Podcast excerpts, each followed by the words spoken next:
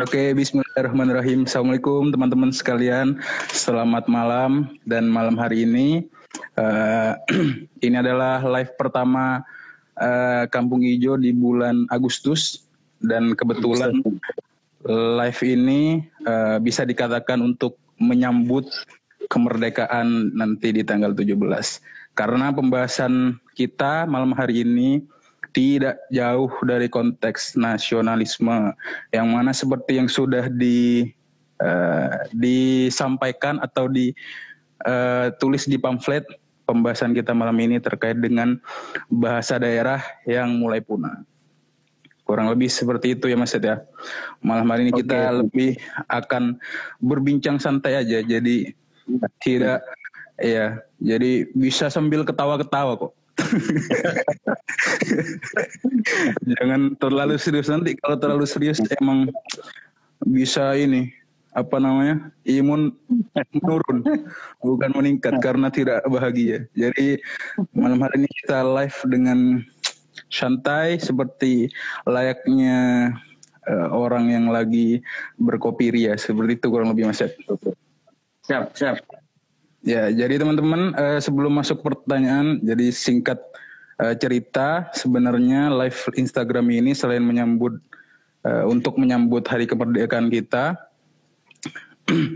ini adalah salah satu keresahan pribadi dan teman-teman Kampung Hijau yang mana uh, sebenarnya kalau konteksnya di Madura entah nanti penontonnya di luar Madura uh, bisa komen semisal merasakan hal yang sama. Uh, ini keresahan ini berangkat dari kita, khususnya saya pribadi, mengingat bahasa Madura yang uh, mulai jarang dilakukan, terutama uh, di konteks bahasa halus. Jadi untuk bahasa halus di Madura ini uh, sangat jarang saat ini digunakan oleh uh, milenial ya khususnya. Jadi bisa dikatakan untuk penutur-penutur muda bahasa Madura yang konteksnya itu bahasa halus, jadi sudah sangat jarang dan itu harusnya menjadi perhatian kita bersama. Dan ternyata pada saat be baca beberapa berita khususnya juga di laman resmi Kemendikbud bahwa saat ini eh, total bahasa daerah yang ada di Indonesia itu kurang lebih 718 bahasa daerah dan eh, ada kabar buruknya itu 11 bahasa daerah sudah punah. Sudah punah dan 25 bahasa daerah eh, mulai terancam. Ketika saya search eh, atau cari bahasa nanti bilang search ini so Inggris mas. Ketika saya kalau bisa uh, anu di, dihindari saja kita menggunakan bahasa asing dulu ya, gitu ya. siap siap siap. Iya. Jadi saya ulang ya, saya, saya ulang. Jadi ketika saya cari baca-baca lah. Uh, dan alhamdulillahnya bahasa Madura ini masih belum termasuk ke 25 bahasa daerah yang terancam punah.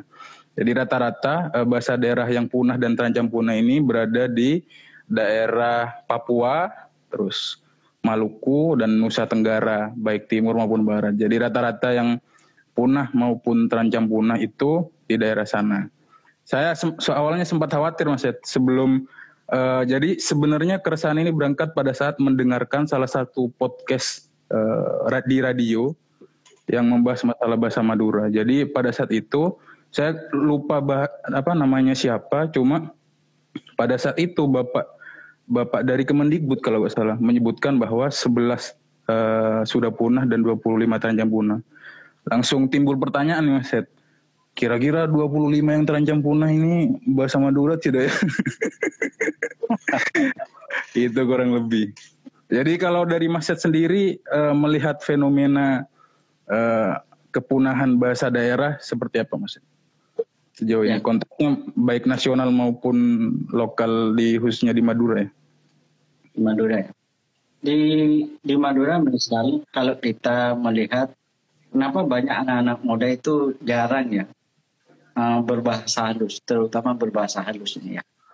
Uh, bisa saja bahwa mereka sudah uh, menganggap ya uh, orang-orang yang jangan berbahasa halus ini kan rata-rata anak muda yang sudah mengenal dunia luar gitu.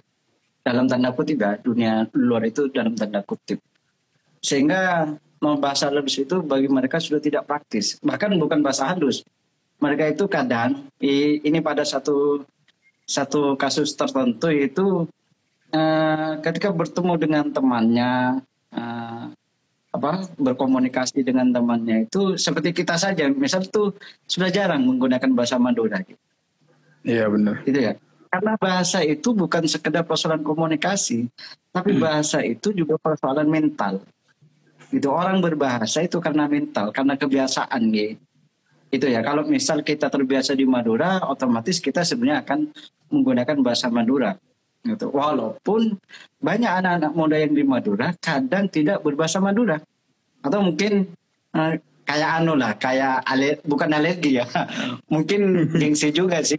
Gengsi, gengsi. Misal Iya, bermedsos ria, misal di Facebook, di YouTube, gitu-gitu ya. Terus yeah, yeah. Uh, yang mau menggunakan bahasa Madura nanti bisa saja pikirannya siapa yang mau mendengarkan gitu, siapa yang mau Benar. memahami. Seperti hmm. saya kalau kalau dalam live ini misal menggunakan bahasa Madura misal siapa kira-kira sih bisa ngerti bahasa Madura hal, hal seperti ini yang tidak ada dalam uh, pikiran kita ya. itu ya itu benar, hal yang benar. mungkin menyebabkan anak-anak muda itu mungkin anu ya apa jarang berbahasa Madura apalagi Madura halus gitu. Akan tetapi yang perlu diingat mungkin juga ada salah pergaulan dalam tanda kutip lagi ya. Artinya salah pergaulan seolah-olah kalau ingin jadi tren, kalau ingin jadi gaya, kalau ingin menjadi terkenal itu harus bisa bahasa Inggris misal, bisa bahasa Indonesia gitu. Bahasa Padahal Jakarta sebenarnya. Hah? Gue, lo, nah, gue, gue, Lo tahun 90 tahun 90-an ini cerita ya. Tahun 90-an uh, eh, itu kan orang jarang masih ber, apa, ada media, koran dan lain sebagainya ya. Walaupun banyak tapi tidak semua orang gitu dan tahun 90-an itu jarang orang kuliah. Yeah. Tapi orang mau mempraktekkan bahasa Indonesia uh, ketika saya punya pengalaman ini kadang situ ke mana aja gitu-gitu. Jadi bahasa Indonesia itu ya menjadi satu tren untuk menaikkan ini saya orang modern mungkin. Ini orang kotai gitu kan. Itu pada waktu itu seperti itu di tahun 90-an. Tapi lambat hmm. laun pada akhirnya hmm, bahasa Indonesia itu menjadi satu karena kita sudah banyak di anak-anak Madura itu yang kuliah keluar Madura misal dan lain sebagainya sehingga menjadi satu biasa gitu ya berkomunikasi menggunakan bahasa Indonesia biasa. Akan tetapi kalau saya melihat beberapa bahasa yang punah itu bisa dilihat dari persoalan kebahasannya tadi misal dia sudah dianggap tidak praktis dalam berkomunikasi atau mungkin hmm. para penggunanya misal maaf saja nih misal uh, membayangkan ada satu bahasa terus masyarakatnya sudah banyak yang keluar kota misalnya. Itu bisa saja yeah. punah bahasa bahasa bahasa apa? Misal uh, maaf aja. Iya, membayangkan misal orang Madura lebih memilih di Jakarta. Ada yang di Jakarta, ada yang di Jember, di Banyuwangi dan lain sebagainya gitu. Ya, Loh. mereka mungkin mengingat bahasa Madura sebagai kenangan gitu ya. Oh, melihat yeah. kata kakek, bona sampean Sengko, terung, itu sebagai satu kosakata yang arkaik kalau sudah ada di kota-kota. Akan tetapi yeah. selama bahasa itu kita sadari itu ya bahwa bahasa itu adalah satu identitas, satu apa ya? Hmm, jati diri membuat, daerah. Karena jati diri maka kita akan ya menempatkan bahasa itu bukan persoalan gengsi.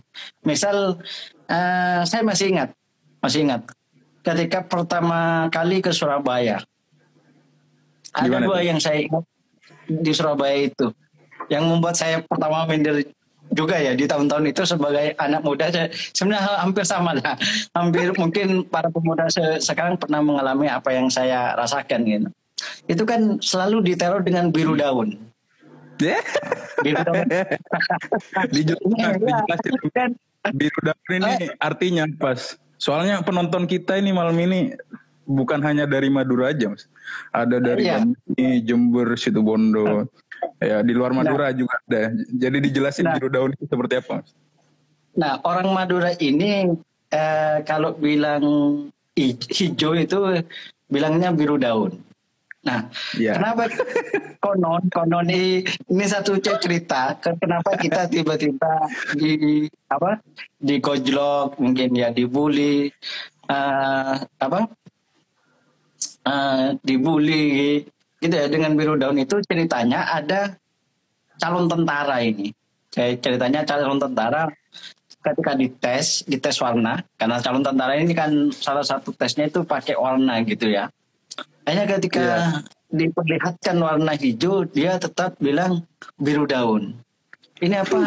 biru daun gitu gitu akhirnya kita itu dibully habis-habisan gara-gara cerita itu kalau di Madura itu tidak ada hijau tapi adanya biru daun. Biru daun. Akan tetapi ketika ketika saya telusuri, saya coba kaji tentang orang Madura, tentang diri saya, tentang masyarakat saya, tentang tetangga saya, ternyata orang Madura cara berpikirnya itu detail gitu ya tentang warna. Sehingga ada warna yang namanya biru daun, ada yang namanya warna biru langit, ada yang namanya warna biru laut. Langit sama laut itu sama-sama biru. Tapi bagi orang Madura, birunya langit sama birunya laut itu berbeda. Iya, biru langit maksud ya kan? biru tase saya biru langit sama biru laut itu berbeda. Nah, cara berpikir orang Madura kadang di situ. Nah, bagi anak muda yang kadang tidak memahami tentang cara berpikir orang Madura, kadang gengsi menggunakan bahasa biru daun. Padahal Padahal ini sebenarnya saat kita mengatakan biru daun itu menyatakan identitas kita sebagai orang Madura. Jadi kalau ada orang misal kita ke Surabaya terus ya mungkin ke Malang terus ada yang teriak saya mau beli baju yang warnanya biru daun. Nah itu orang Madura. Orang Madura. Khas sekali berarti mas. Khas sekali. Akan tetapi sebaliknya bro kalau misal ada orang Madura ya bilang hijau berarti dia paham bahwa dia saat bilang hijau itu menjadi Indonesia gitu saat dia menjadi biru dia menjadi Madura yang menjadi bagian dari Indonesia. Kalau kita bersepakat kebangsaan kita, nasionalisme kita itu berbeda dengan nasionalisme orang Barat, gitu, uh, maka kita harus bersepakat bahwa nilai-nilai kebangsaan kita dimulai dari yang namanya kita orang Madura, kita menjadi bagian dari Indonesia. Nah, ya, Indonesia itu kan beragam ya, bineka tunggal ika. Tunggal ika. Iya, jadi sebenarnya kalau kita ngatakan biru daun, jangan mendel, jangan malu. Itu menjadi penanda kita orang Madura, eh. Gitu. Iya. Ya, jadi biar orang Ma tahu. oh, Masa masalahnya, masalahnya kadang apa orang di luar Madura banyak tidak ngerti, mas. Arti biru daun ini seperti apa? Kadang eh, masalahnya soalnya bukan tidak pede atau malu mengatakan biru daun, tapi berpikir ulang Eh, kira-kira orang pada saat saya berbicara biru daun itu mengerti atau tidak? Itu sih Mas kurang lebih. Tapi sebelum dilanjut Mas, uh, jadi teman-teman uh, sebelumnya karena ini sudah banyak yang bergabung, jadi saya perkenalkan dulu. Pemateri kita malam hari ini adalah Mas Set Wahedi. Jadi ini bukan emang bukan karena lupa memperkenalkan ya, tapi emang nunggu rame aja dulu. Jadi Mas Seth Ahedi ini adalah uh, salah satu senior saya yang uh, mengaku sebagai penikmat seni. Kurang lebih seperti itu ya Mas Seth ya? Iya, iya. nah, jadi ini Mas kebetulan di chat sebelum ke pertanyaan di room room chat ini ada yang uh, mengatakan dari Mbak An Anraudana mau pakai bahasa Madura tapi kurang pede karena pengetahuan yang kurang dan khawatir keliru apalagi sama orang sepuh. Nah ini salah satu masalah kita bersama nih mas khususnya para milenial. Khususnya juga saya pribadi kurang lebih sama sih mas. Kenapa uh, kalau di rumah itu lebih memilih berbahasa Indonesia?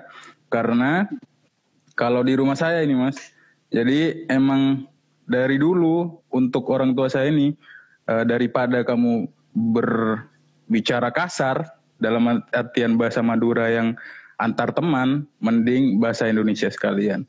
Jadi gitu sih mas kurang lebih ke kejadian yang dialami saat ini khususnya para milenial. Sekarang bukan bukan karena tidak mau belajar tapi karena emang kebiasaan dari rumahnya itu. Ya. itu ada, ada yang bagaimana mas? Ini barusan jatuh. Kalau HP, HP, HP jatuh itu berbahaya. Nah, uh, ada satu satu satu apa? Satu curhat juga ya. Curhat itu ada orang mau pakai bahasa Madura tapi takut keliru gitu dan lain sebagainya. Nah, saya ingin ingin berbagi cerita saja gitu ya. Seperti hmm. dulu transformasi kebahasan kita sebenarnya kan tidak di kelas gitu ya. Tidak di kelas tidak di kampus gitu tapi transformasi kebahasan kita itu terjadi di ruang-ruang di rumah gitu ya misal ya. ketika saya memanggil pada ibu atau muncul pada ibu uh, mana melihat dia? Iya. Nah, gitu gitu ya di, di awal awalnya itu tidak ada yang negur. Gitu ya ketika saya masih kecil tidak ada yang negur. Satu dua kali tidak ada yang negur. Tapi baru berikutnya bapak itu ngasih tahu. Kalau sama ibu jangan mapas, jangan bilang iya, tapi engki. Jadi kesalahan itu sebenarnya di dalam tradisi transformasi kebahasan kita itu biasa gitu. Anda salah menggunakan bahasa Madura, biasanya yang tua nanti ngasih tahu ini yang benar. Yang penting gini, Fri.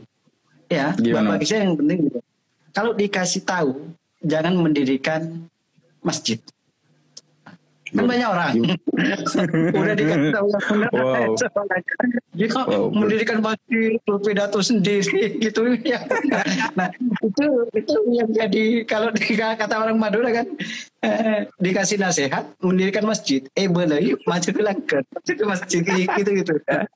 Tapi yang terpenting itu persoalan misal keliru, salah dan lain sebagainya. Selama kita tidak dalam tanda kutip, ya tidak teriak, yeah. tidak berkata dengan apa dengan suara yang tergolong kasar gitu. Saya kira ya diucapkan saja misalnya. Itu seperti saya dulu ketika ke Surabaya berhadapan dengan orang Jawa misal, saya takut ngomong uh, seneng senengmu sopo ya, misalnya gitu. Uh, lama kelamaan Justru kalau itu tidak diucapkan, karena saya juga takut salah, akhirnya saya tidak pernah bisa berbahasa Jawa. Gitu. Setuju, setuju mas. Nah, se seharusnya kita belajar dari kesalahan. Kalau di dalam bahasa itu uh, belajar yang mempraktekkan dulu dan lain sebagainya. Uh, biar nanti kalau memang itu salah, yang tua yang membenarkan. Benar. Nah, itu itu itu hal-hal yang yang maksud saya bahwa misal Mbak Aan tadi misal mengatakan takut keliru, tak, apa tidak pede karena takut keliru. Dicoba aja, siapa tahu orang tuanya juga nggak paham misal. Hanya orang yang lebih tua daripada kita misalnya itu kalau orang tua kita pasti paham lah, hmm, maksudnya yeah. tentang bahasa yang halus dan lain sebagainya itu. Tapi dicoba aja, maksudnya bukan dicoba sih, dipraktekkan. Persoalan salah benar itu ya nanti kita diskusi, biasanya dibenahi oleh yang lebih tahu. Akan tetapi catatannya kalau sudah dikasih tahu orang lain ya macam ke langgar. Jangan mendirikan langgar sih itu. Didengarkan, oh ini perlu di, diubah itu. Itu hal-hal yang yang perlu saya kira di dalam bahasa itu dipraktekkan nih. Itu ya. Iya siap, iya siap siap. Jadi teman-teman sekalian, uh, sekedar mengingatkan uh, teman-teman yang join live Instagram malam ini, semisal nanti ada pertanyaan bisa langsung tulis di kolom komentar. Uh, nanti bisa saya masukkan di sela-sela pertanyaan yang yang sudah saya buat. Jadi ngalir aja teman-teman yang misalkan mau ada yang bertanya bisa bertanya nanti saya bacakan dan langsung saya sampaikan ke Mas Seto Hedi. Oke, kurang lebih seperti itu ya teman-teman. Nah, jadi Mas gini Mas, uh, dari tadi kan kita uh, lebih terfokus pada bahasa Madura ya Mas. Sebenarnya kan ya. uh, ini bisa dikatakan uh, bahasa Madura ini ya teman-teman seba, se, sebagai gambaran aja karena yang live malam hari ini ini tidak hanya dari Madura. Jadi kurang lebih bahasa Madura itu punya tingkatan uh, bahasa. Jadi ada yang bahasa untuk berbicara ke sesama teman, ada juga bahasa tingkatan bahasa yang berbicara ke uh, kakak. Jadi teman atau orang yang paling tua di di atas kita, orang tua yang uh, orang yang lebih dituakan tapi bukan orang tua. Terus ada juga tingkatan bahasa yang digunakan untuk kepada orang tua. Jadi kurang lebih sama bahasa Madura, ya mungkin bahasa daerah di mana pun, bahasa Madura, bahasa Jawa, ya bahasa di di Kalimantan mungkin uh, kurang lebih sama. Jadi pasti ada tingkatan uh, bahasa dari bahasa yang untuk kesesama maupun sampai yang ke orang tua. Jadi kurang lebih seperti itu. Nah, gimana? Jadi, ada satu hal uh, mungkin saya cuma mengulang ya mungkin banyak lah teman-teman Madura yang tahu. Ternyata bahasa itu bukan sekedar tingkatan. Ya. tapi mas? Uh, kalau bahasa jadi nah itu sebenarnya ada satu yang namanya transformasi edukasinya pendidikan. Nah mau mencanona sebenarnya uh, morok atau be, abrik beburukan abrik bebulangan saya tak langsung on di dalam pendidikan bahasa tidak Madura paham. itu. Saya tidak nah, paham beburuan. Iya.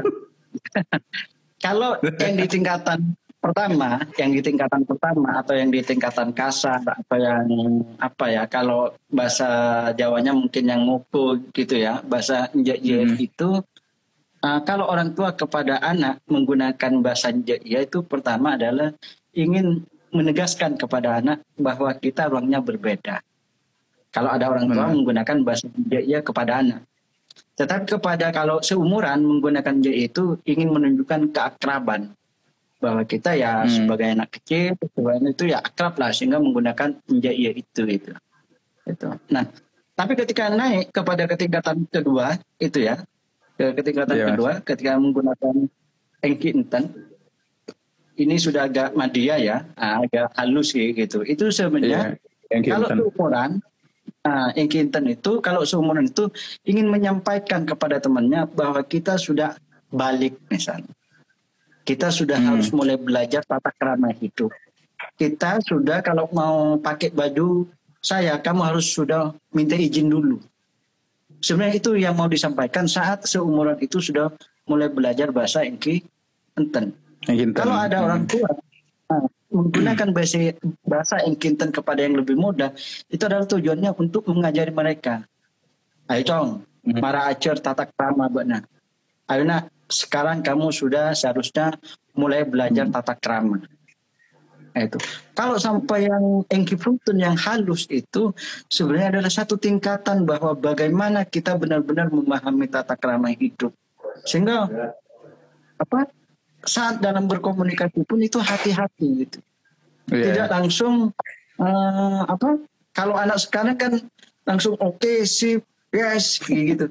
Tapi kalau orang Madura itu semakin paham tentang makna hidup, semakin paham tentang tata krama hidup, maka cara berbahasa itu semakin halus. Kenapa? Karena dia ingin menyampaikan saya sudah paham tentang tata laku hidup. Maka kita harus apa saling menghormati. Hmm. Jadi orang itu mau nyindir, mau apa itu kalau sudah dia berbicara bahasa halus, hati-hati. Karena dia sudah paham tentang makna hidup, tentang peribahasa dan lain sebagainya itu. Itu sebenarnya tingkatan bahasa di Madura bukan sekedar hmm, apa yang penting cara menghormati, tidak, tapi ada juga nilai-nilai pendidikannya yang juga perlu ditekankan gitu. Sehingga ada kadang orang yang biasanya dia pakai bahasa Enkinten, tiba-tiba dia menggunakan bahasa Jair. Oh itu menunjukkan dia marah gitu. Jadi kalau teman kita yang biasanya pakai Enkinten atau Engkipunten, pada suatu waktu kita membulinya dia dia dan dia menggunakan kembali ke Jair, itu hati-hati loh. berarti dia memang benar-benar marah. Gitu. itu sebenarnya pola-pola komunikasi di tataran orang Madura saya kira di situ gitu. Jadi bahasa Inggris itu penanda ya tata kerama tentang kita sudah kalau dulu Feri, orang kalau orang itu nggak bisa engkinten atau engkipunten itu itu adalah bukan menantu idaman sudah. Kalau iya, dulu. Iya benar. Dulu. Iya. Iya, kalau dulu itu kalau nggak bisa bahasa Inkinten atau Inkipunten itu bukan menantu idaman karena itu dianggap belum memahami tata krama orang Madura. Kalau sekarang kalau yang penting yang PNS, wah. ini, ini, ini, bagaimana bahasa sebenarnya di masyarakat Madura itu uh, apakah akan punah? Saya kira uh, masih belum lah, jauh lah kecuali orang-orang Madura eksodus ke mana gitu dan lain sebagainya. Tapi ketika mereka masih tetap mendiami Madura, saya kira akan tetap apa ya, tetap lestari lah, tetap lestari walaupun mungkin sudah mulai jarang uh, di beberapa daerah misal yang sudah menggunakan bahasa halus itu gitu. Iya, jadi sedikit ada cerita nih mas, uh, bahas masalah konteks penggunaan dari bahasa yang kinten, yang kinten engki engki inja iya engki inten engki punten. Uh, pernah ada cerita jadi ada anak pondok yang izin ke ustadznya izin ke kiainya tidak masuk tidak masuk hmm. pengajian. Tiba-tiba besoknya ditanya katanya apa aja mata masuk gue anu ke ah sampai sampai kau le songkan. Jadi emang meskipun ada tingkatannya berarti pengetahuan akan tingkatan tersebut kan emang harus dikuasai betul mas. Soalnya kalau misalkan iya. tidak dikuasai betul terjadi sampai saya songkan itu. tapi itu Fri, tapi di situlah bahwa kita dalam berbahasa itu ya harus dipraktekkan gitu ya. Ya, mungkin kasus-kasus itu membuat orang tertawa gitu ya, bisa saja tertawa itu sama itu rata-rata kalau sakit itu sakit sakit gitu itu kalau leluconnya orang belajar tingkatan bahasa itu itu anekdot itu ada misalnya. ya, iya. Terutama santri baru. Kan ini santri baru rata-rata. Karena ya, apa hmm, aturan di di mana di pesantren itu kan makanya salah satu pelestari bahasa Madura itu itu adalah pesantren ya sebenarnya. Kalau kalau orang sudah mau masuk pesantren itu sudah ada satu tulisan besar yang tidak tertulis hmm. itu semua santri seolah wajib pakai yang namanya bahasa yang halus. Itu. Hmm. sehingga ya rumah sakit pun kalau kalau tadi kan masih sapi ya ini rumah hmm. sakit. Nah, gitu. Itu ya tetap dibilang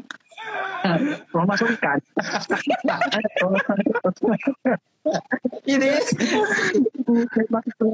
Ada tetapi itulah sebenarnya cara belajar bahasa eh, itu maksudnya ya dipraktekkan banyak salahnya diperbaiki ya, terus sambil belajar dan lain sebagainya itu. Itu hal-hal kalau kemarin saya katakan masih jauh lah untuk tiba-tiba terancam punah dan lain sebagainya karena masih ada yang namanya lembaga-lembaga pesantren yang yang secara tidak langsung itu bahasa mengajarkan iya, mengajarkan itu itu. Walaupun ya, ini, mungkin hmm, gimana mas? Ya itu maksud saya bahwa cara mengajarkannya itu enggak seketat di bangku-bangku sekolah kan? Dia iya. mentransformasikan yeah. uh, pengetahuan bahasa Maduranya langsung praktek. Setelah dari praktek itu diajari teori praktek teori praktek teori. Kan, kan sebenarnya yang enak belajar bahasa seperti itu. Daripada ngomong teori dulu lalu mempraktekkannya. Biasanya kalau sudah banyak teorinya dipraktekkan, oh berat itu. Itu berat sudah. iya iya. Setuju sih mas. Setuju. Konteks masalah praktek itu sangat penting sih mas. Soalnya gini awal jadi kan eh, saya saya kuliah di Jember ya mas ya. Dulu nah. eh, bayangan saya pada saat merantau ke Jember itu eh, saya bisa akan bisa berbahasa Jawa tanpa ada informasi bahwa di Jember itu rata-rata bahasa Madura kan. Tiba-tiba waktu sampai di terminal Tawangalun semua berbahasa Madura. Termasuk di kampus saya rata-rata semua berbahasa Madura. Jadi hasrat uh, ke, kebetulan uh, circle pertemanan di Jember adalah rata-rata orang Madura. Jadi hasrat untuk ingin berbahasa Jawa tidak ada. Dan pada saat itu mas, uh, karena uh, ekspektasi tersebut dipatahkan dan circle-nya orang Madura, uh, mau berbahasa Jawa pun susah. Susah dalam artian uh, takut lebih takut diejek karena salah. Karena rata-rata circle-nya orang Madura. Jadi uh, apa namanya berani belajar dan langsung praktek itu emang benar-benar penting sih mas. Khususnya untuk di konteks berbahasa ya. Iya. Tapi gini sih, terutama kan kita kalau kalau guyonan itu ada yang namanya Madura negeri sama Madura swasta ya. Iya. Yeah. siap siap. Gini, saya masih belum tahu apakah ini sudah pakai bahasa Madura di di Sumedang maksudnya. Saya pernah berkunjung ke Probolinggo uh, sekitar hmm. tahun 2010 itu gitu ya, 10 tahun yang lalu itu.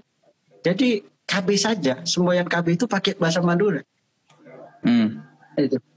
Uh, norok KB dua anak cokop laki bini pada pui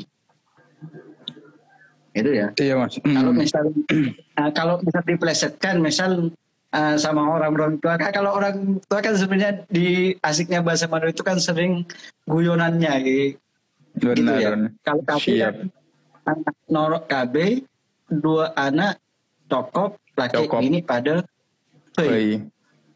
Nah, diplesetkan sama penyair Madura Saiful Hajar menjadi yang namanya uh, dua apa KB dua istri sama apa cukup dua istri tua muda sama saja. Gitu gitu tapi yang saya katakan itu adalah bahwa di Probolinggo itu di tahun 2010 itu orang sana sudah bagaimana mengampanyekan atau memberikan keterangan-keterangan di beberapa sekolah ya tentang KB pengumuman entah informasi apa itu ada yang namanya menggunakan bahasa Madura gitu. Dan itu kita jarang. Kalau saya sih sendiri atau mungkin misal pergi ke mana?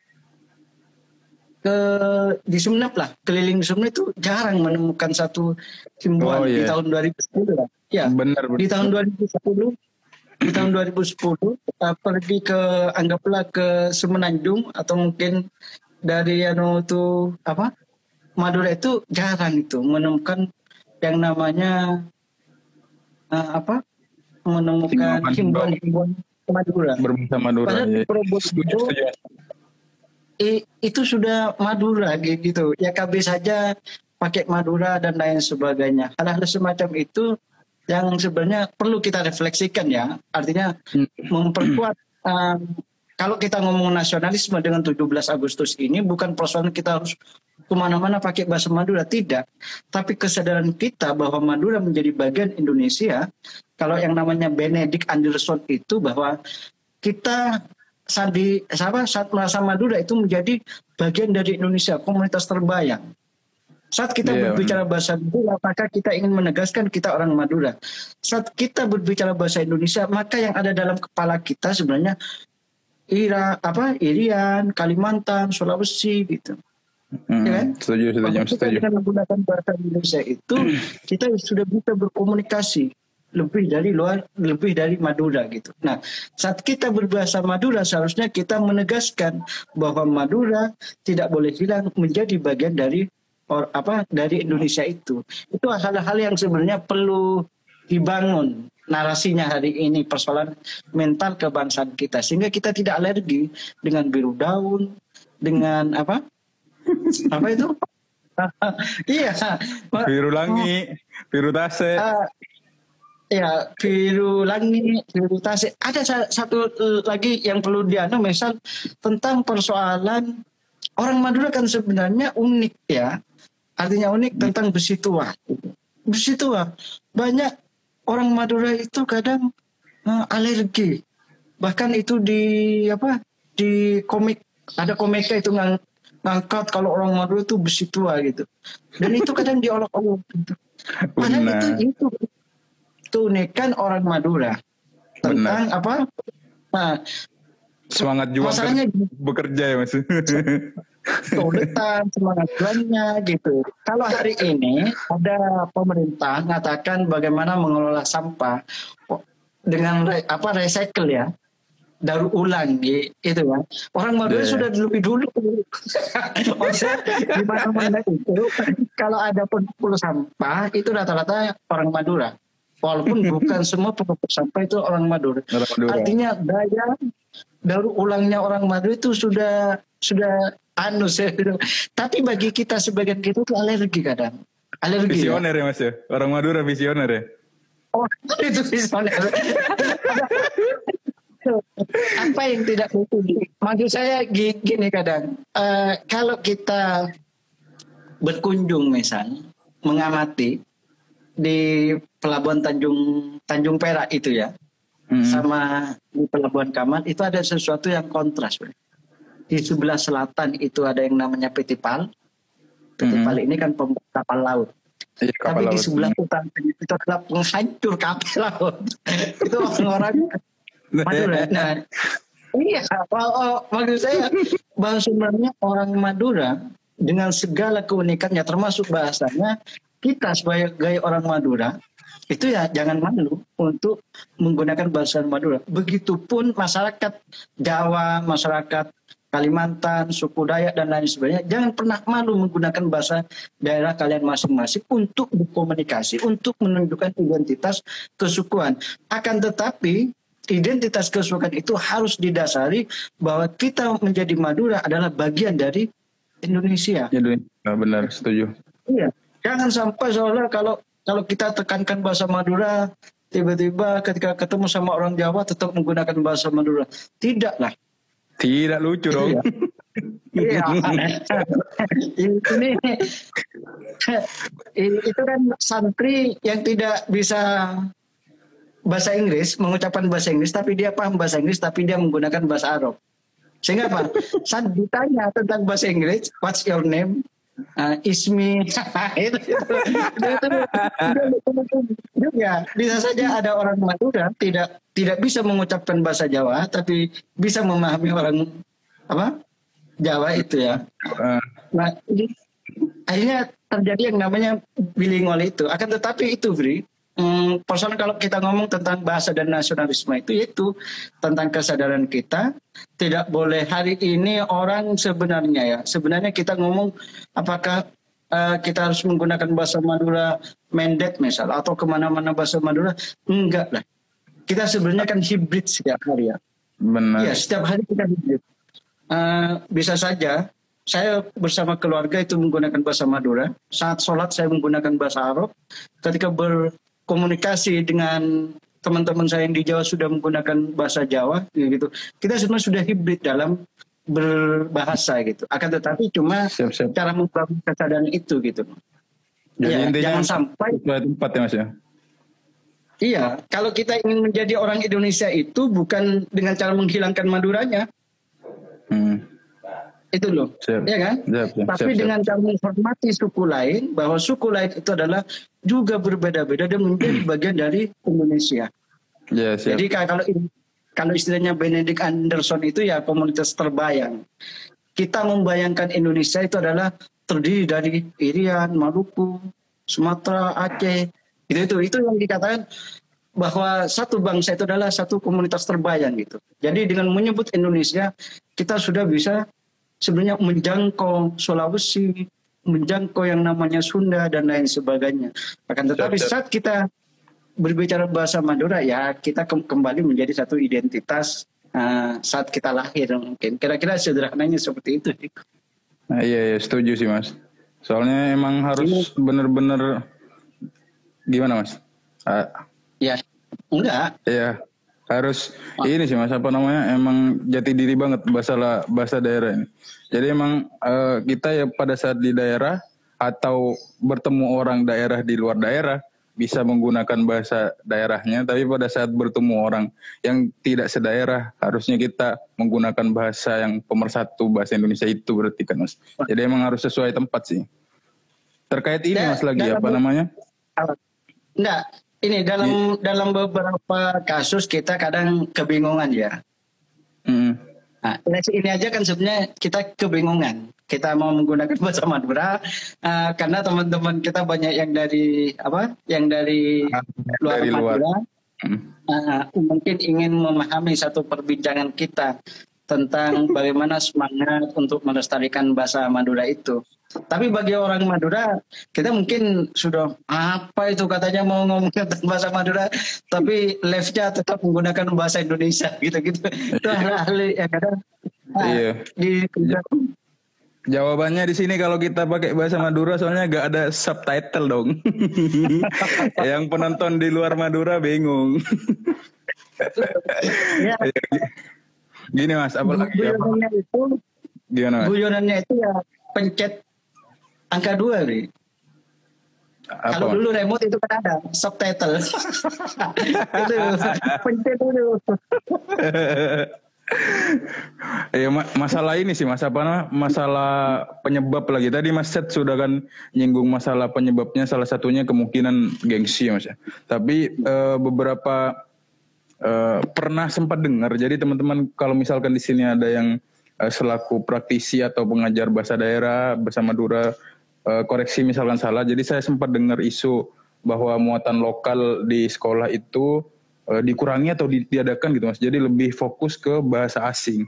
Nah, bagaimana Mas Set itu menanggapi hal tersebut Mas? Masalah muatan lokal bahasa daerah ini yang ini isu aja sih Mas. Jadi teman-teman misalkan ada yang uh, lebih tahu bisa chat aja di kolom komentar nanti bisa saya bacakan. Soalnya saya dengar isunya itu kurang lebih seperti itu karena uh, bahasa Madura itu muatan lokal bahasa Madura khususnya itu uh, ditiadakan atau dikurangi gitu jamnya. Jadi lebih fokus ke bahasa asing. Jadi bahasa asingnya itu ditambah bahasa Jepang bahasa uh, Cina bahasa ya bahasa asing lah intinya. Nah menurut Mas Yat itu kira-kira itu enggak yang jadi salah satu penyebab uh, untuk berbahasa Madura khususnya Mas ya?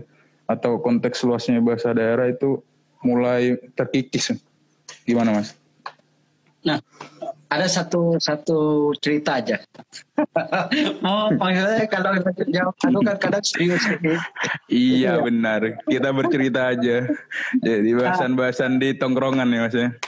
Nah, ada satu karakteristik yang menarik gitu ya, ketika di debat pilkada kemarin itu salah satu segmennya pakai bahasa Madura gitu ya. Oh, yeah, yeah. Nah, lalu narasi yang dibangun karena ini ingin melestarikan bahasa Madura.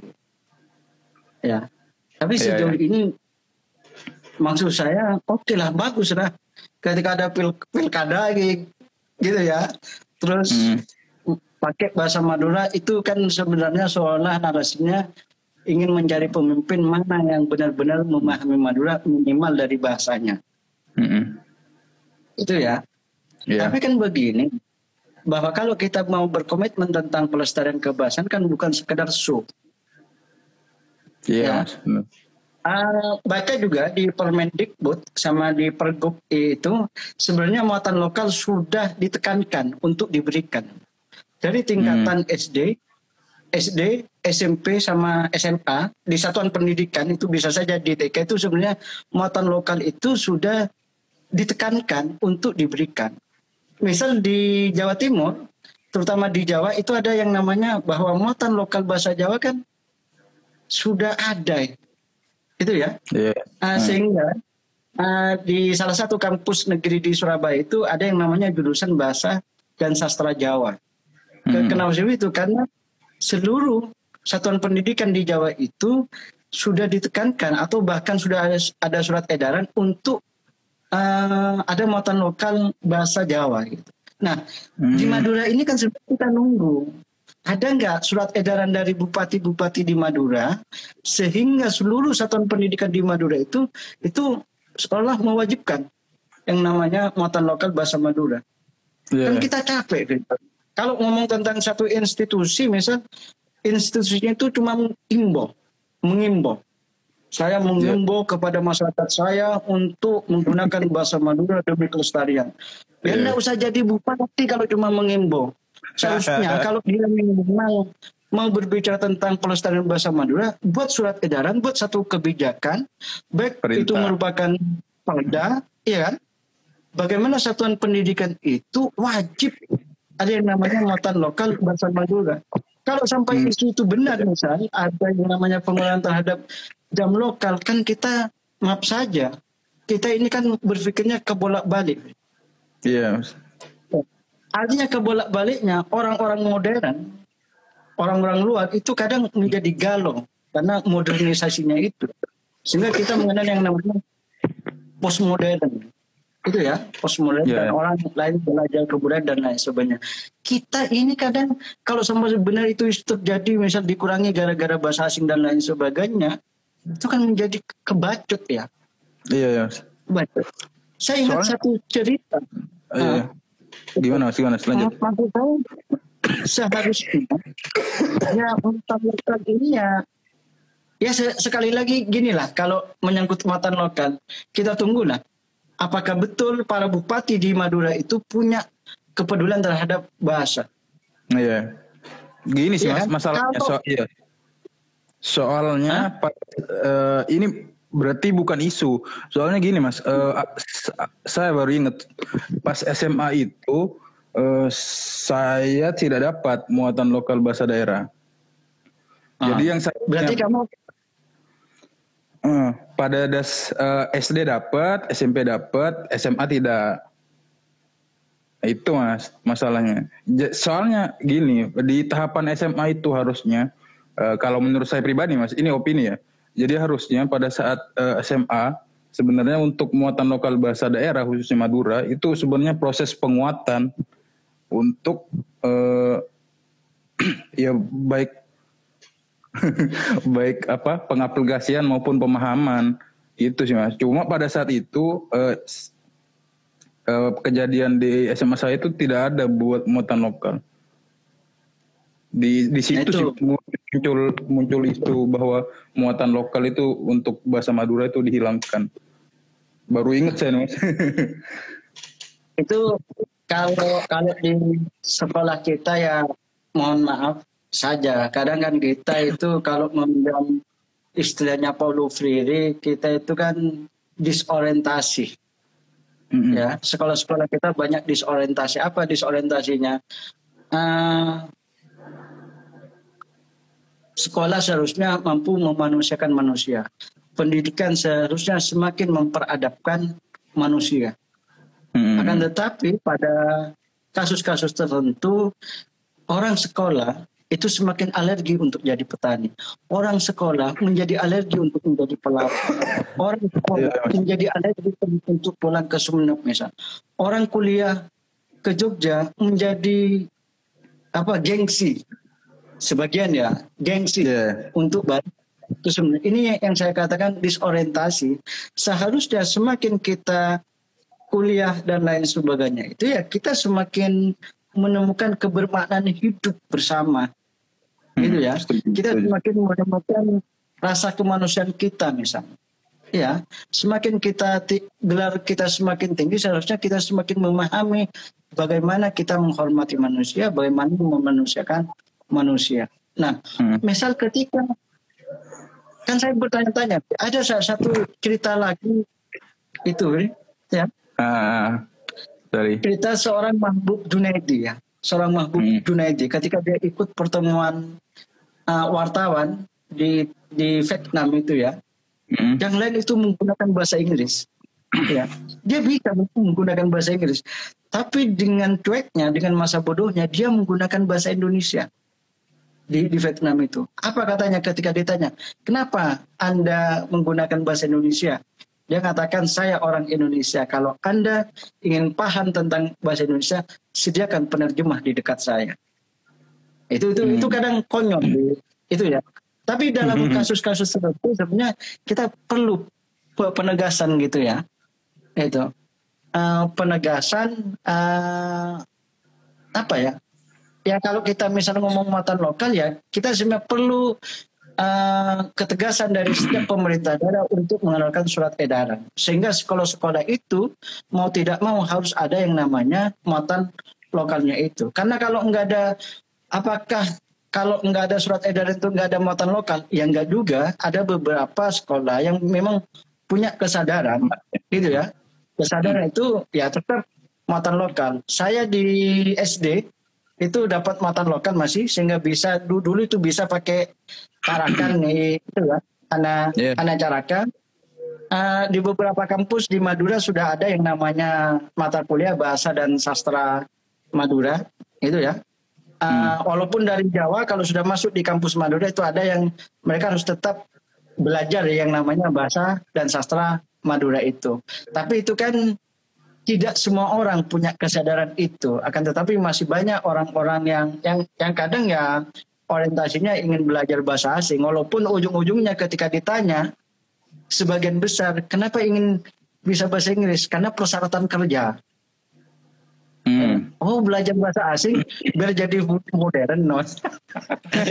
Burung iya, Kalau misal belajar bahasa asing, kenapa ingin ngebut belajar bahasa Jepang biar bisa kerja di Jepang ya. Karena kalau itu tujuannya itu bagi saya kan buruh modern, buruh yang ingin naik kelas gitu. Tapi sebenarnya bahasa itu bukan alat untuk menjadi buruh. Bahasa itu alat untuk berkomunikasi. Berkomunikasi. Ya. Nah, ber, berkomunikasi itu, saya kira hal-hal semacam itu yang perlu disadari ya. Maksudnya disadari hmm. jangan sampai kita latah juga seolah-olah sekarang semuanya pakai bahasa Inggris terus kita berduyun-duyun misal berbondong-bondong pas ngaku bahasa Inggris kia kekere banyak saya lupa ya apa tahu tak maturana ah benar ah, itu banyak saya lupa ya Cao Cak Matura saya sudah tidak paham dong. um, ya, ada istilah apa ya? Ini termasuk Cao Cak Matura apa gimana ya? Uh, uh, yang anu mas kayak uh, bau koko orang perang artinya ke orang uh, oh ya istilah-istilah seperti ya. itu sepertinya tidak ada sudah. Apa istilahnya? Ya. Uh, anu apa? Ya kan kalau dalam bahasa Indonesia kan peribahasa itu ya. Macapet ya mas ya? Macapet. Kan kalau macapet itu anu itu beri uh, takut mat iya itu dikenal kalau bahasa Indonesia itu peribahasa ya. Apa itu? iya. Makanya it, jadi ceritanya setiap SD Mas.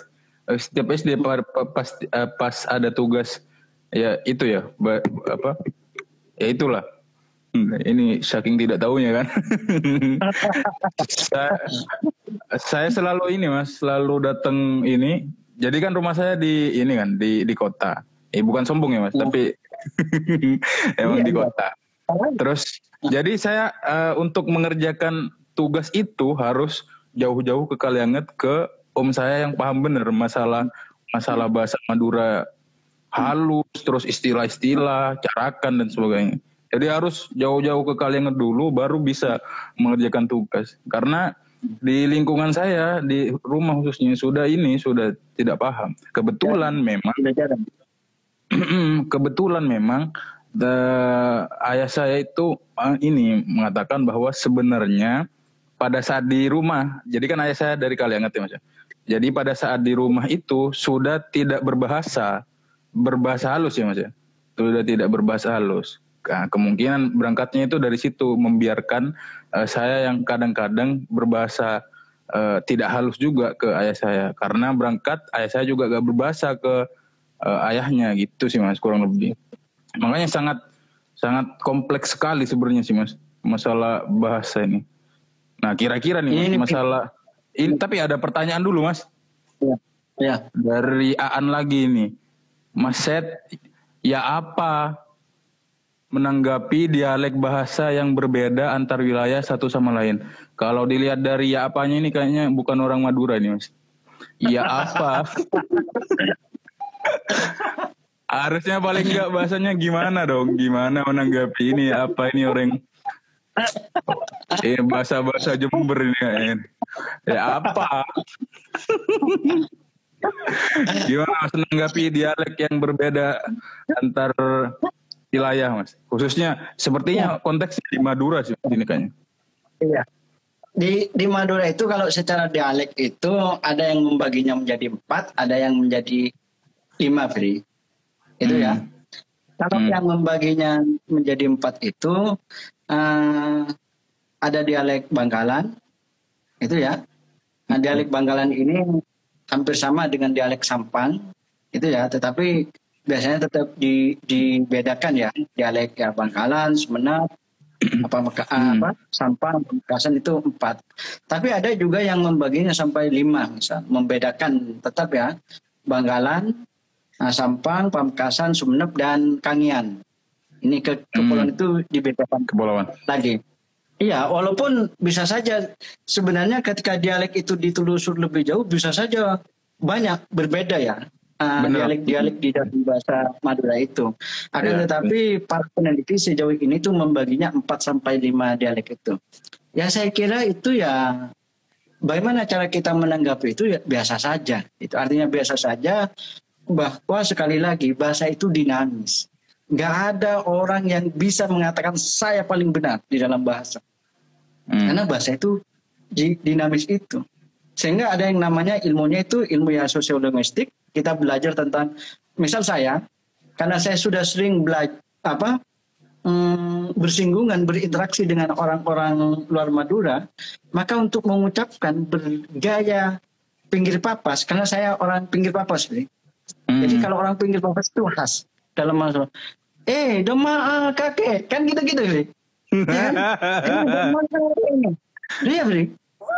Tapi saya sebagai orang pinggir, iya sebagai orang pinggir papas sudah secara spontan sudah jarang, bukan tiba-tiba tidak tidak bisa ya.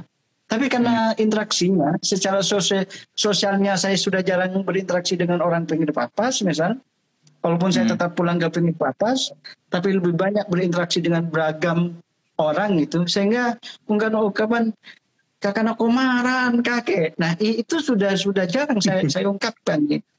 Itu ya. Mirip-mirip Itu- dialek Kangian berarti ya Mas ya? Oh, bet. Eh, kalau dialek Kangian kan sebenarnya bisa di di apa? Hmm, bisa dilihat kepada persoalan imbuhannya misal. Ya. Hmm. hmm. Eh, apa apanya itu misal sandele, sandela, ah, sandele ya. Atau Hmm. uh, obukna uh, sandele kalau di bahasa Indonesia yang biasa yang di daratan itu itu kan huruf di belakangnya kan didobelkan kalau mau menunjukkan kepunyaan tapi kalau yang di Hmm. kangen itu ini salah satu hal yang yang sederhana ya Uh, Hmm. hal yang sederhana itu tetap, tetap nah obukna Hmm. sandelna sokona. Oh. terus kalau kangen seperti itu itu salah satu penanda perbedaan dialek. Nah apa Hmm. saat kita berbeda dialek seperti itu? Biasa saja. Artinya biasa saja ya diterima itu sebagai keragaman kekayaan dari bahasa Madura. Setuju jangan setuju. sampai gara-gara saya berbeda misal maaf aja Kak, kalau misal orang Bangkalan beeng misal. Itu ya Hmm, sampang ya Bangkalan ada sebagian yang menggunakan ah, bukan sebagian kakek misal di pinggir Hmm. papas juga menggunakan kakek juga Oke. Iya, kakek kalau di pinggir pos-pos itu kakek ini dan lain sebagainya ada yang namanya been, bekna itu ya. Atau Hmm. bagi saya itu ya biasa. Biasa perbedaan itu itu karena perbedaan daerah. Itu ya. Karena perbedaan sosial linguistiknya itu misal. Sehingga kalau di dalam kajian kebahasaan itu ya ngomong antropolinguistiknya, sosiolinguistiknya, psikolinguistiknya itu hal-hal yang sangat apa? sangat asik se- sebenarnya dalam kebahasaan itu sehingga kita bisa menerima berbagai keragaman itu. Jadi Iya, saran saya ke sih, Mas. Heeh. Keba- Jadi kalau Keba- bisa menemukan uh, kebaan itu, kalau menemukan yang berbeda ya ditanya aja. Seperti saya pernah Fri, ke Pamekasan, pernah hidup di Pamekasan itu hampir satu tahun. Hmm. Itu ya. Saya mengenal satu kata ngara, ngara gitu ya. Ngara itu kalau di Sumeneb kan ada musuh Anu. gitu. Iya.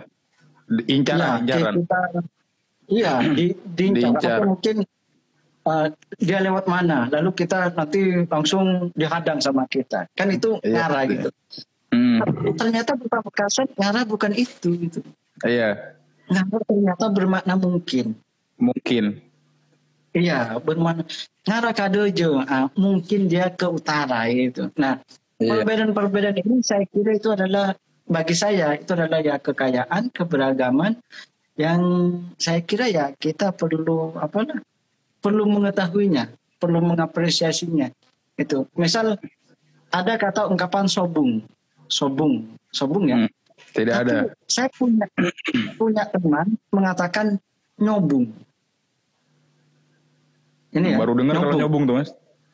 Iya ada. Ada dong. uh, ungkapan en mainan, en mainan. Tapi ada Hmm. yang bilang nyin mainan, nyin mainan. Sampai Hmm. teman saya itu saya tanya betul, ini en mainan atau nyin mainan? Nyin mainan. Dia tetap bersikukuh nyin mainan. Akhirnya apa? Akhirnya saya katakan, sudah, saya menerimanya sebagai satu kekayaan di dalam bahasa Madura itu. Madura. Itu ya. Maksudnya ya, tinggal kita lihat dia diucapkannya Madura bagian mana. Nggak Setuju, bisa. setuju. Saya saja jangankan sampai semadura ya. Pinggir papas sama Karanganyar itu sudah berbeda. Pinggir Iya. papas, pinggir papas barat barat jalan sama timur jalan, cara barat lorong sama timur lorong, celu ce, apa celu celu itu sudah beda anunya, Fi. Apa cara cara mengucapkan istilahnya gitu dan lain sebagainya. Apalagi misal Bangkalan sama Sumenep Pamekasan. dan lain sebagainya. Salber, eh. Tapi tambah ke barat kadang tambah tinggal lebar. Kan gitu. Jeria, Sumenep tambah ke barat tinggal jeria. Eh, itu. Nah, saya kira ya diterima itu sebagai satu kekayaan eh, gitu ya. Keberagaman dan lain itu sebagainya. Walaupun sampai hari ini, Fri, kalau ngomong bahasa Madura itu yang kalau saya sebenarnya agak enggan itu ya, eh, itu anu, apalah eh, perdebatan tentang ejaan gitu. Wah itu Iya, kalau sudah ya di beberapa forum itu dahsyat gitu. Ya bagi saya kadang eh, tidak lah, saya tidak tidak mau terlalu jauh ngomong tentang bahasa pada hal-hal yang begitu apa begitu kelas itu ya Iya. ya bagi saya bahasa itu dinamis bahasa itu bisa berkembang bahkan kita bisa mengadopsi dari bahasa luar itu ya untuk dimadurakan Hmm. karena banyak istilah baru gitu misal HP Hmm. misal gadget misal atau mungkin laptop gitu dulu kan Hmm. laptop nggak ada dan kita nggak punya istilah laptop untuk bahasa Madura Hmm. itu kan bisa saja kita Iya. hanya mengadopsi itu laptop itu apa pun laptop ataukah memang perlu kita uh, madurakan nanti kira-kira apa gitu jangan sampai apa uh, apa itu ada kalau dulu saya belajar jangan sampai Madura itu Indonesia gitu apa bahasa Indonesia rasa Madura Contohnya Indonesia rasa Madura kan kalau kita memberikan sambutan sesain kena, ah, kan Ah. gitu ya. Iya, iya, iya. Ah, Pertama-tama poci syukur ya toraki deka Allah Subhanahu wa taala seka dima kalaben rahmat teu. sesangkeuna kaula sareng patut Nah, panjenengan. sanggana. Lalu diterjemahkan ke dalam bahasa Indonesia. Pertama-tama kita panjatkan puji syukur yang di mana? Sekak Dima. Terus Sekak Dima itu mas, masih yang di mana? Nah, kan gitu. Itu bahasa Indonesia rasa Madura itu. Yang di mana? Ya, Gitu. Karena Setuju, setuju. berkat rahmatnya yang sehingganya. Nah itu itu itu adalah bahasa Indonesia rasa Madura itu. Madura. Iya, setuju, Ah, ah. setuju. Ini ini ju- masalah keragaman emang ini sih Mas, apa erat sekali Mas ya, khususnya ya mungkin di Indonesia juga begitu beragam kan bahasa daerahnya. Jangankan di Indonesia di Madura aja yang istilahnya satu pulau masih dialeknya terus ada beberapa kata-kata juga yang berbeda. Soalnya ini Mas eh, sempat kejadian ini sama kayak yang Mbak Aan. Jadi Hmm. eh, pas pada saat saya jadi kan SMA saya di Pamekasan ya Mas ya. Iya, iya. Jadi pas sa- saya di Pamekasan, bahasa saya, dialek saya ini, di- dialek Sunep dibilang sangkit. Nah, sedangkan kalau dari saya pribadi, yang sangkit itu yang orang Pamekasan gitu. Persis kejadiannya sama kayak Mbak- Mbak Aan ini mas. Punya teman orang Sangkit itu ya? Iya, punya teman orang Jember yang berbahasa Madura dan dia bilang dialek bahasa Madura saya sangkit, tapi bagi saya hmm. dialek dia yang sangkit. Nah, gitu Mas persis. Jadi kadang orang Madura sendiri kurang berdamai dengan ke keberagaman itu sih Mas. Sejauh ini Mas ya yang ini soalnya pengalaman pribadi sih Mas. Jadi seakan-akan Mas sangkit Sahara Rafri gitu, gitu Mas. Padahal bisa bisa. Hmm, hmm Sangkit itu gini mungkin kita perlu menerjemahkannya kepada hal yang lebih moderat sangkit itu ya. Hmm. Sangkit itu terjemahannya itu adalah kalau diterjemahkan kalau sangkit ini kan berbeda ya. Berbeda gitu. Kok kok sakit atau tidak sama gitu. Hmm. Ya sangkit itu pada akhirnya harus diterjemahkan di mana kita memang berbeda dengan daerah tertentu gitu. Artinya kalau orang Sumeneb ada di Pamekasan, maka orang Sumeneb itu sakit bagi orang Pamekasan. Sebaliknya, oh, okay. saat orang Pamekasan ada di Sumeneb, dia menjadi sakit bagi orang Sumeneb. Ya seperti bahan ini, temannya bahan bagi bahan itu sakit, bahan bagi temannya itu sakit. nah, kalau di, di Twitter itu kan kopar kapir gitu loh. Kopar hmm. kapir Nah, ada orang mengatakan orang lain itu kafir, tapi bagi orang lain dia yang kafir gitu. Gitu-gitu. itu kabar kafir. Ini itu. Nah, sakit mau mungkin gak susahnya ya. Wah, seperti saya dulu ketika di pinggir papas, nih, menganggap hmm. bahasa orang di luar pinggir papas itu apa itu kok seperti itu bicaranya. Gitu. ya, sama orang luar pinggir papas saat ketemu sama orang pinggir papas itu khas banget Burung Maria. Iya, iya bukan anu. Pada akhirnya itu menjadi satu keragaman sih. Ke yeah, yeah. apa ya? Hal yang yang ya kalau anda ingin mengetahui bahasa Madura bergaya ini ya di sini, yang bergaya cepat di sini kan gitu kan?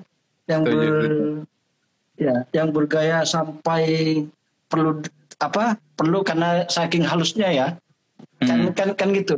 Ada bahasa yang namanya halus gitu. Oh kalau di sana bahasanya halus ya? Iya karena di sana banyak jinnya kata saya. Kan gitu. Banyak makhluk halus. Siap siap siap. Nah, maksudnya kan ya mungkin bahasanya orang mana bagi kita itu kasar ya. Tapi bagi hmm. mereka ya biasa itu loh. Maksudnya ya dengan hmm. ada misal orang kota saat mendengarkan orang pesisir itu kok teriak-teriak ya ya iyalah kalau tidak teriak-teriak kan tidak didengar gitu bagi iya, kita itu kan mm-hmm. iya kalau orang dekat pantai itu kan terbiasa teriak-teriak mungkin bagi mm. orang kota itu kan seolah kasar gitu ya karena suka teriak-teriak mm. gitu. itu ya tapi bagi yeah. orang pergi pantai bisa saja langsung bilang wah orang kota kok nggak ada tenaga ngomong nggak jelas gitu. Karena orang kota dan datanya pelan-pelan. Iya, iya mau sih akhirnya masa ada yang bahasa halus sama kasar. Saya saya itu kadang tetap oh iya kalau kalau sejauh ini kan tetap ada itu ya bahasa halus sama kasar. Walaupun saya itu kadang ya. sering bilang bahasa halus iya karena di sana banyak jinnya saya. iya mas. Terus kira-kira nih mas ya, uh, kalau dilihat dari konteks uh, konteks kepunahan ya bisa dikatakan mas, atau uh, ini bisa di mungkin katanya mas tadi kan di Madura masih jauh ya, karena masih ada yang namanya pesantren dan bisa menjaga uh, konsistensi berbahasa Madura itu mas. Cuma kalau misalkan dilihat dari konteks bahasa yang sudah punah ini dan yang terancam punah, kira-kira menurut Mas Set itu apa yang menjadi salah dan uh, siapa sih Mas yang harus bertanggung jawab akan kepunahan tersebut? Ya kalau ditanya ya. siapa yang harus bertanggung jawab ya kita semua, kita semua ya. hmm. ya. Yang hmm. punya tanggung jawab terhadap bahasa Madura adalah kita semua. Itu ya. Pertama-tama ya. ya semua orang, terutama kita yang sadar, terutama kita yang sadar punya tanggung jawab moral bagaimana melestarikan bahasa Madura. Itu ya. Hmm. Yang kedua, ya. yang harus kita dorong adalah yang namanya peran pemerintah. Karena kita memilih pemimpin, memilih institusi pemerintah, kita bernegara, gitu ya. Karena kita hmm. ingin harapan-harapan kita itu kan menjadi terwujud. Kalau harapan kita adalah bahasa Madura menjadi lestari, maka pemerintah itu harus mendengar, harus me, apa, mengambil satu kebijakan bagaimana bahasa Madura itu adalah bisa lestari. Ya dalam hal ini salah satunya itu adalah uh, mendorong atau menginstruksikan gitu ya kepada hmm. satuan pendidikan itu untuk mengadakan yang namanya matan lokal. Akan tetapi yang terpenting adalah eksistensi bahasa Madura itu adalah tanggung jawab kita bersama. Itu ya. Yeah. Ya. Tidak hmm. bisa kita misal menyalahkan orang lain, misal menyalahkan apa sekolah, menyalahkan guru, misal menyalahkan pemerintah pertama-tama tidak bisa. Kita harus katakan ini tanggung jawab kita bersama. Yang kedua baru di langkah keduanya itu mendorong, menyampaikan kepada pemerintah, ya mau ayo, mari buatlah kebijakan yang bisa melestarikan bahasa Madura, terutama melalui instansi pendidikan. Kemarin Fri ada hal yang sangat saya mungkin anu ya, saya agak hmm. sumringah. Walaupun sumringah ini perlu saya lihat ke depan gitu. Ketika Bupati hmm, Fauzi mengatakan iya. bahwa Buat, akan ya. mengembalikan semangat gitu ya, semangat hmm. apa? Keraton. Harapan Keraton. saya bukan hanya dalam fisik yang dikembalikan semangatnya, bukan hanya dalam ritual, tetapi hal-hal lainnya gitu ya. Hmm. Kalau memang semangat dikembalikan untuk mencintai lokalitas kita, karena se sebenarnya kan potensi potensi lokal itu sangat penting untuk didorong hari ini, misal.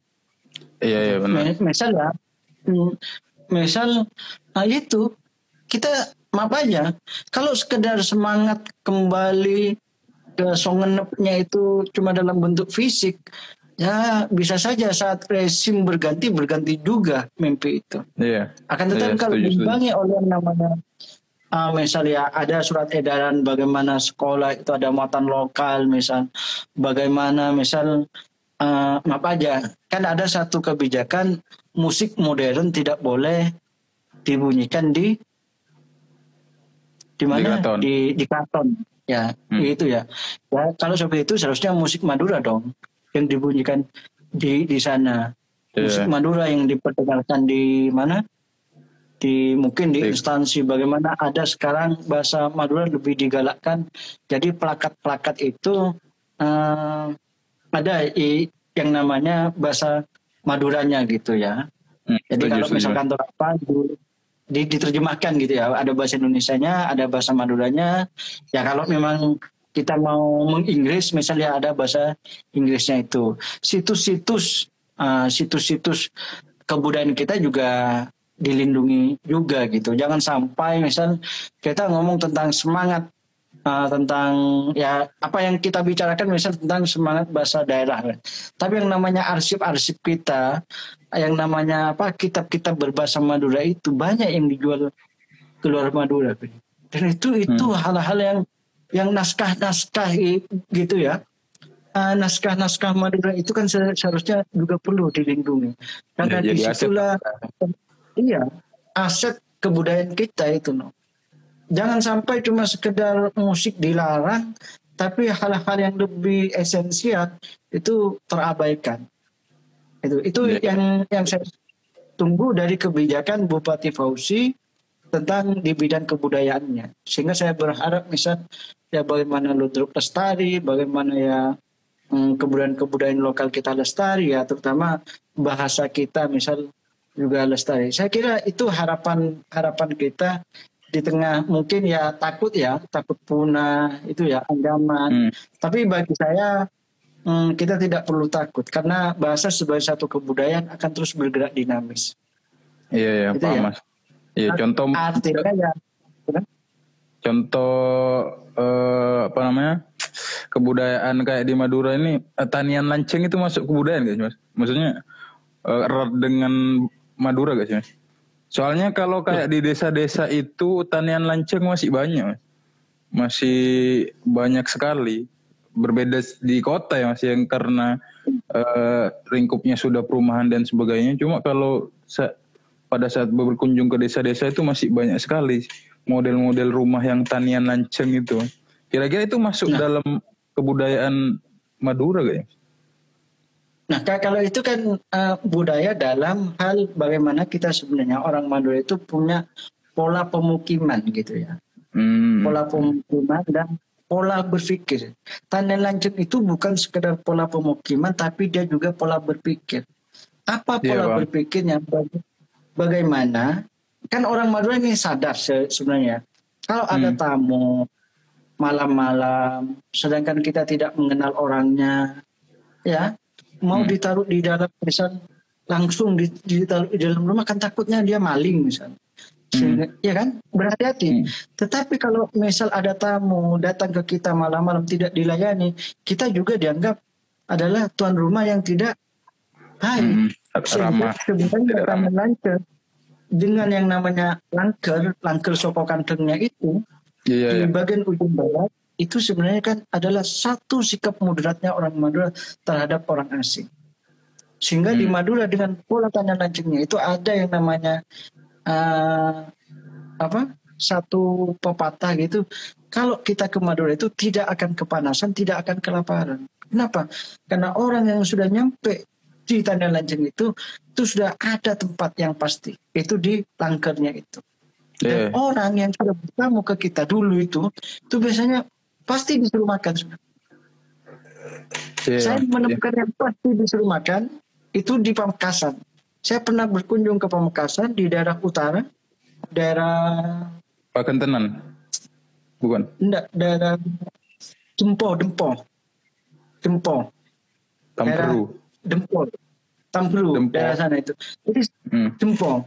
Jadi saya main ke rumahnya teman, gitu ya. Saat mau hmm. pulang, enggak boleh sebelum saya selesai makan gitu loh.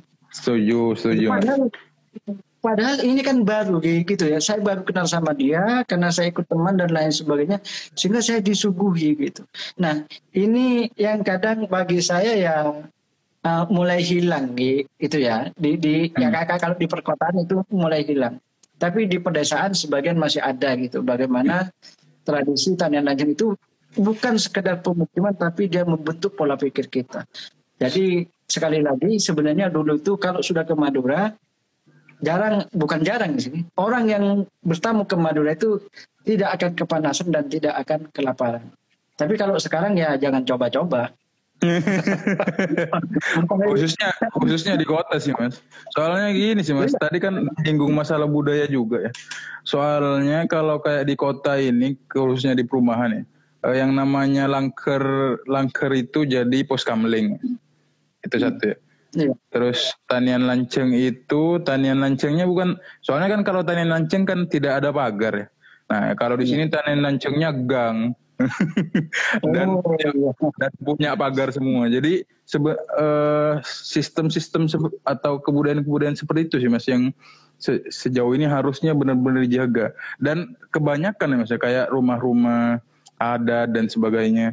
Entah ini omongan saya salah atau uh, tidak benar ya mas ya.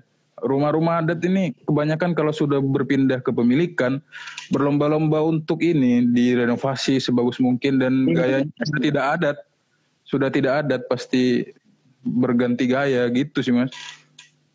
Nah itu kan makanya berbicara ketika apa sekali lagi ketika Bupati Fauzi itu ngomong berbicara semangat kebudayaannya itu kan tidak mudah saya tetap mm -hmm. menunggu gitu ya ya terutama rumah-rumah itu misal uh, seperti apa dia akan mengambil langkah-langkah itu tapi ada satu hal lagi yang hilang Tri, yang ya. saya temukan ketika di masa pandemi ini gitu ya masa pandemi ini saat pandemi datang semuanya prokes protokol kesehatan itu ya hmm.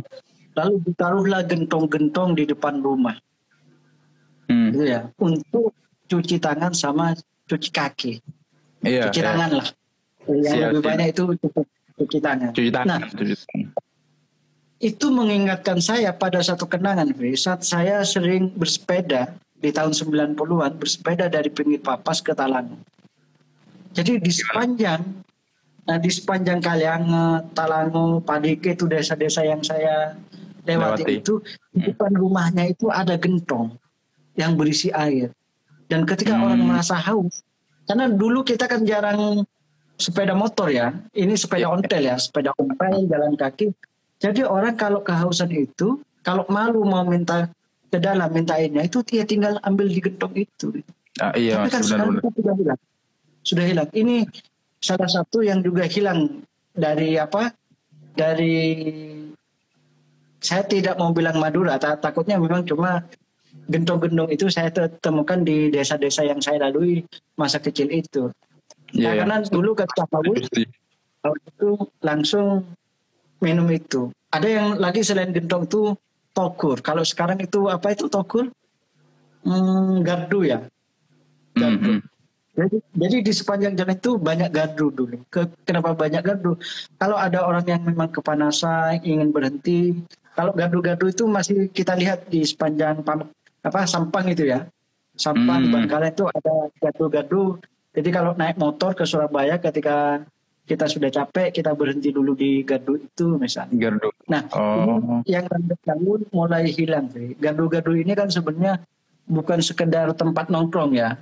Hmm. Tapi memang takutnya ada saudara kita berperjalanan jauh dulu, kepanasan, kehujanan sehingga nyuplah di gardu itu.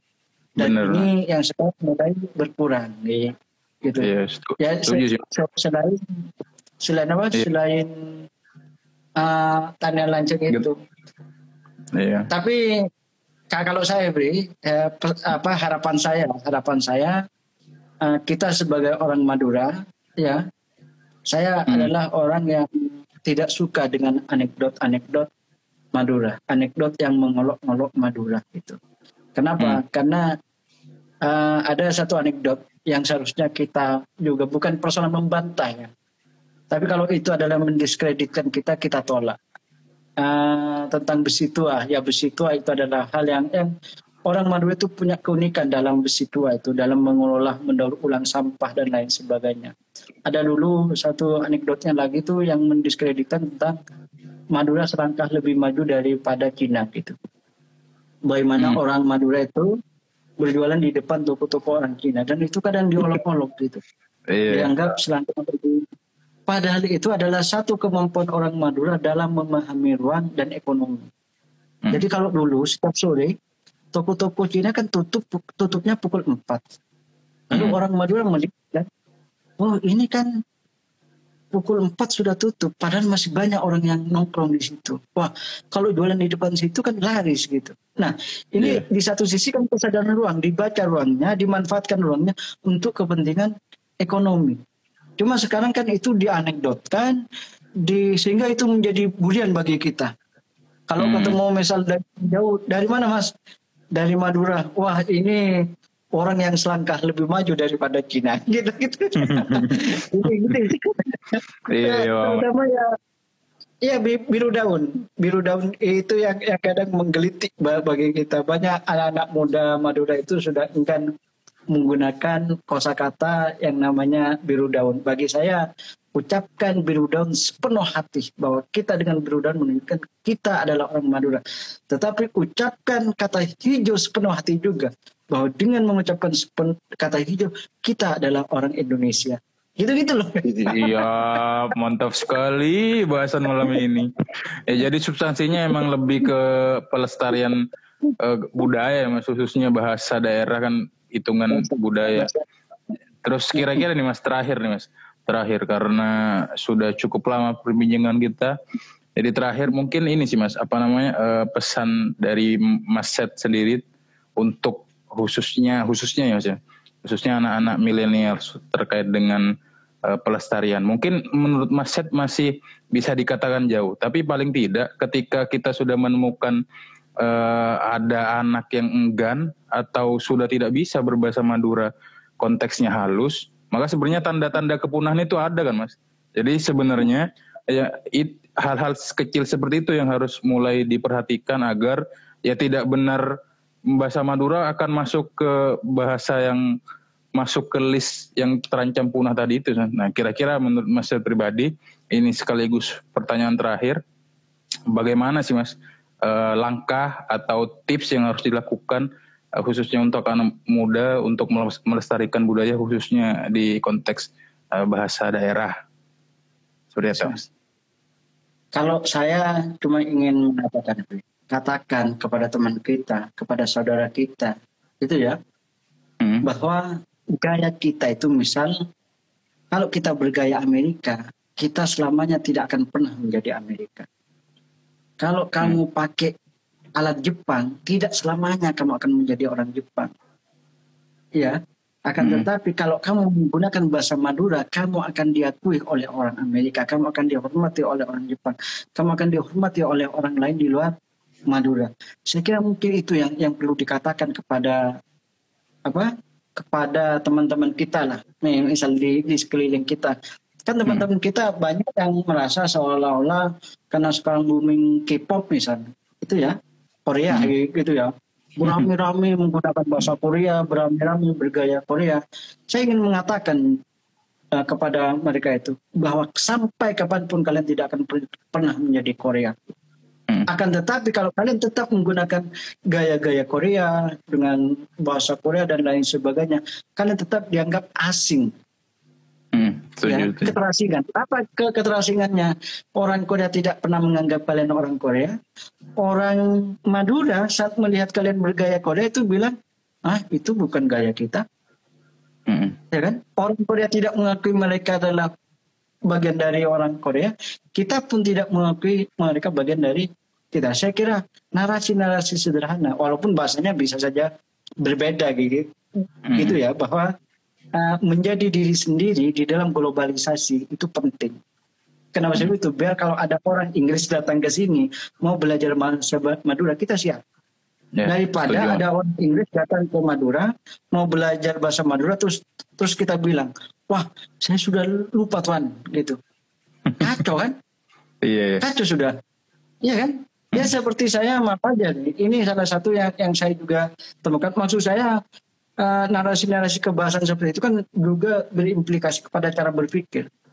Ya, hmm. saya pernah mengunjungi satu destinasi wisata di Sumeneb, gitu ya, yang sudah hmm. dijamah investor itu dibangun cottage ya, apa rumah-rumah ya, yang seperti ada di oh, homestay homestay yang ada di Jawa-Jawa ya. gitu ya.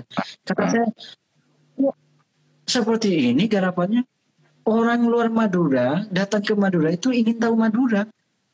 Bukan hmm. orang luar Madura datang ke Madura ingin ingin tahu Jawa.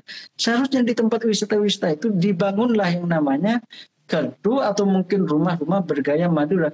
Sehingga ketika mereka datang ke Madura, mereka hmm. melihat panorama dalam Madura. Nah, Setuju. sama sama seperti kita bahasa misal kita duduk hidup di Madura dan lain sebagainya berbicara bahasa Inggris. Datanglah orang Inggris ke Madura lalu dia ingin belajar bahasa Madura. Eh yang ditemukannya adalah bahasa Inggris yang nggak jelas. Hmm. nah di situlah maksud saya uh, mari kita buat jargon misal ya buat jargon bahasa berbahasa daerah itu adalah warga dunia Artinya dengan kita tetap mencintai bahasa Madura, berarti kita menjadi bagian dari warga dunia. Dunia. Siap. Ya, karena sekali lagi globalisasi itu menuntut yang namanya different, apa perbedaan. Hmm. Perbedaan. Anda sedang diakui sebagai warga dunia kalau identitasnya jelas, KTP-nya jelas. Oh KTP saya orang Madura, maka saya harus memahami betul Madura, terutama ya bahasanya karena KTP-nya Madura. Kalau KTP-nya Inggris, anda harus berjuang bagaimana Anda bisa berbicara bahasa Inggris. Itulah yang dikatakan warga dunia. Tapi kalau KTP-nya Madura, terus dia lebih paham bahasa Inggris, nah itu orang-orang dunia bingung pada Jadi Anda adalah warga kebingungan. Siap, siap, siap. Itu, ya, siap. Sel, anu ya, uh, jangan lupa jaga kesehatan ya. Ada aja dong, Bagi saya kita live seperti ini sebenarnya ya yang menjaga imun ya, menjaga imun terus apa ya, jarak jauh lah bisa berguru dan lain sebagainya memanfaatkan teknologi ini. Jangan sampai teknologi ini uh, mengekang kita ya gitu, tapi bagaimana Benar. teknologi ini silaturahmi membuat kita tertawa, menyapa teman-teman di live Instagram dan lain sebagainya. Saya kira ya, itu. Nah, mohon Siap. maaf, uh, mungkin banyak hal yang apa, yang yang ngalor eh. itu gitu ya. Konsepnya ya, ngopi soalnya. yang mentas ngangkui puasa matura. Kalau ngangkui puasa matura, senengku punya pada orang luar matura pas ikut bahasa Inggris Timur ya. Urwa ada Ternyata nih bisa hui mas. bisa hui tapi kan tak ada subtitle, tidak ada subtitle dong. kecuali kecuali tayangnya di YouTube nanti mas. Nanti bisa ada proses editing kan. Jadi misalkan meskipun nanti kontennya berbahasa Madura tetap tetap bisa dikasih subtitle. subtitle. Subtitle di, di YouTube. Boleh. Iya di nanti, di proses editing. Hmm. Nah, kapan-kapan kita undang juga. Tadi saya melihat Pak Hidayat Raharja juga gabung, Bri. Kita nanti kapan-kapan undang. Dia kepala SMA N4 Sampang. Dulu dia oh. bertugas di SMA 1. Kita kapan-kapan kita undang live di YouTube sama di Instagram Kampung Ijo ya. Semoga Boleh. saja beliau berkenan. Dengan senang hati Bapak. Nanti bisa ya, saya follow up lagi ke Mas Set kira-kira bisa nggak dikasih kontaknya dan mari kita berbincang bersama di live Instagramnya Kampung Ijo. Ya, terima kasih teman-teman uh, khususnya uh, terima kasih Mas Syed sudah meluangkan waktunya dan bisa berbagi pengalaman, berbagi ilmu, ya berbagi canda tawa di live Instagram malam ini uh, karena meskipun konsepnya ngopi-ngopi tongkrongan sekali tapi uh, saya rasa banyak uh, hal yang bisa kita ambil khususnya bahwa kita di mana pun berada tetap harus eh, memegang yang namanya budaya kita masing-masing tanpa harus menjatuhkan orang lain karena kita tetap berada di satu ikatan eh, yaitu Bhinneka Tunggal Ika dan itu adalah yang harus kita pegang bersama. Dan untuk para millennials jangan pernah malu untuk berbahasa daerahnya masing-masing karena kitalah yang akan melanjutkan untuk melestarikan kebudayaan termasuk dengan bahasa daerah kita masing-masing. Jadi mari kita habisin. Iya semoga semoga dengan adanya konten ini eh, mengingatkan atau merefleksi diri khususnya untuk menyambut kemerdekaan bahwa sebenarnya banyak sih hal-hal yang mengenai nasionalisme yang harus mulai kita perhatikan yang mana sebenarnya eh, kalau misalkan dilihat pada saat ini lumayan tergeser dengan games terus dengan budaya-budaya asing yang sebenarnya masuknya secara halus. Jadi eh, harapannya ke depan entah eh harapannya dengan adanya konten ini eh, pertama ya biar menjadi pengingat bahwa untuk menyambut menyambut kemerdekaan ini banyak hal yang harus kita refleksikan lagi bahwa sudah mulai banyak yang tergeser meskipun bisa dikatakan khususnya konteksnya Madura uh, masih banyak yang berbahasa Madura tapi ada loh sudah contohnya yang punah. Jadi um, semoga kita lebih per, perhatian lebih memperhatikan uh, kelestarian budaya kita khususnya uh, bahasa daerah masing-masing dan khususnya lagi di bahasa Madura agar lestari budaya kita karena uh, pada dasarnya orang luar itu ingin belajar bahasa atau budaya kita, kenapa kita malah meninggalkan budaya sendiri gitu. Jadi kurang lebih seperti itu teman-teman. Uh, semoga konten malam ini meskipun konteksnya ngopi-ngopi, ketawa-ketawa, karena emang ini pengen meningkatkan imun. ya, semoga bermanfaat dan semoga uh, Kampung Hijau ke depan bisa uh, mengundang dan berbincang-bincang lagi dengan banyak pemateri yang uh, tentunya bisa berbagi pengalaman, berbagi ilmu dan uh, sharing-sharing lah kepada kita semua. Terima kasih yang sudah uh, menyaksikan live Instagram malam ini. Uh, kurang lebihnya mohon maaf. Uh, semoga kita uh, tetap sehat-sehat, tetap bisa menjaga imun kita agar tetap naik, jangan sampai galau-galau, jangan itu rugi sekali teman-teman. Dan semoga pandemi ini segera selesai agar Indonesia bakal normal kembali. Terima kasih. Saya akhiri live Instagram malam ini. Assalamualaikum warahmatullahi wabarakatuh. Terima kasih Mas Ed.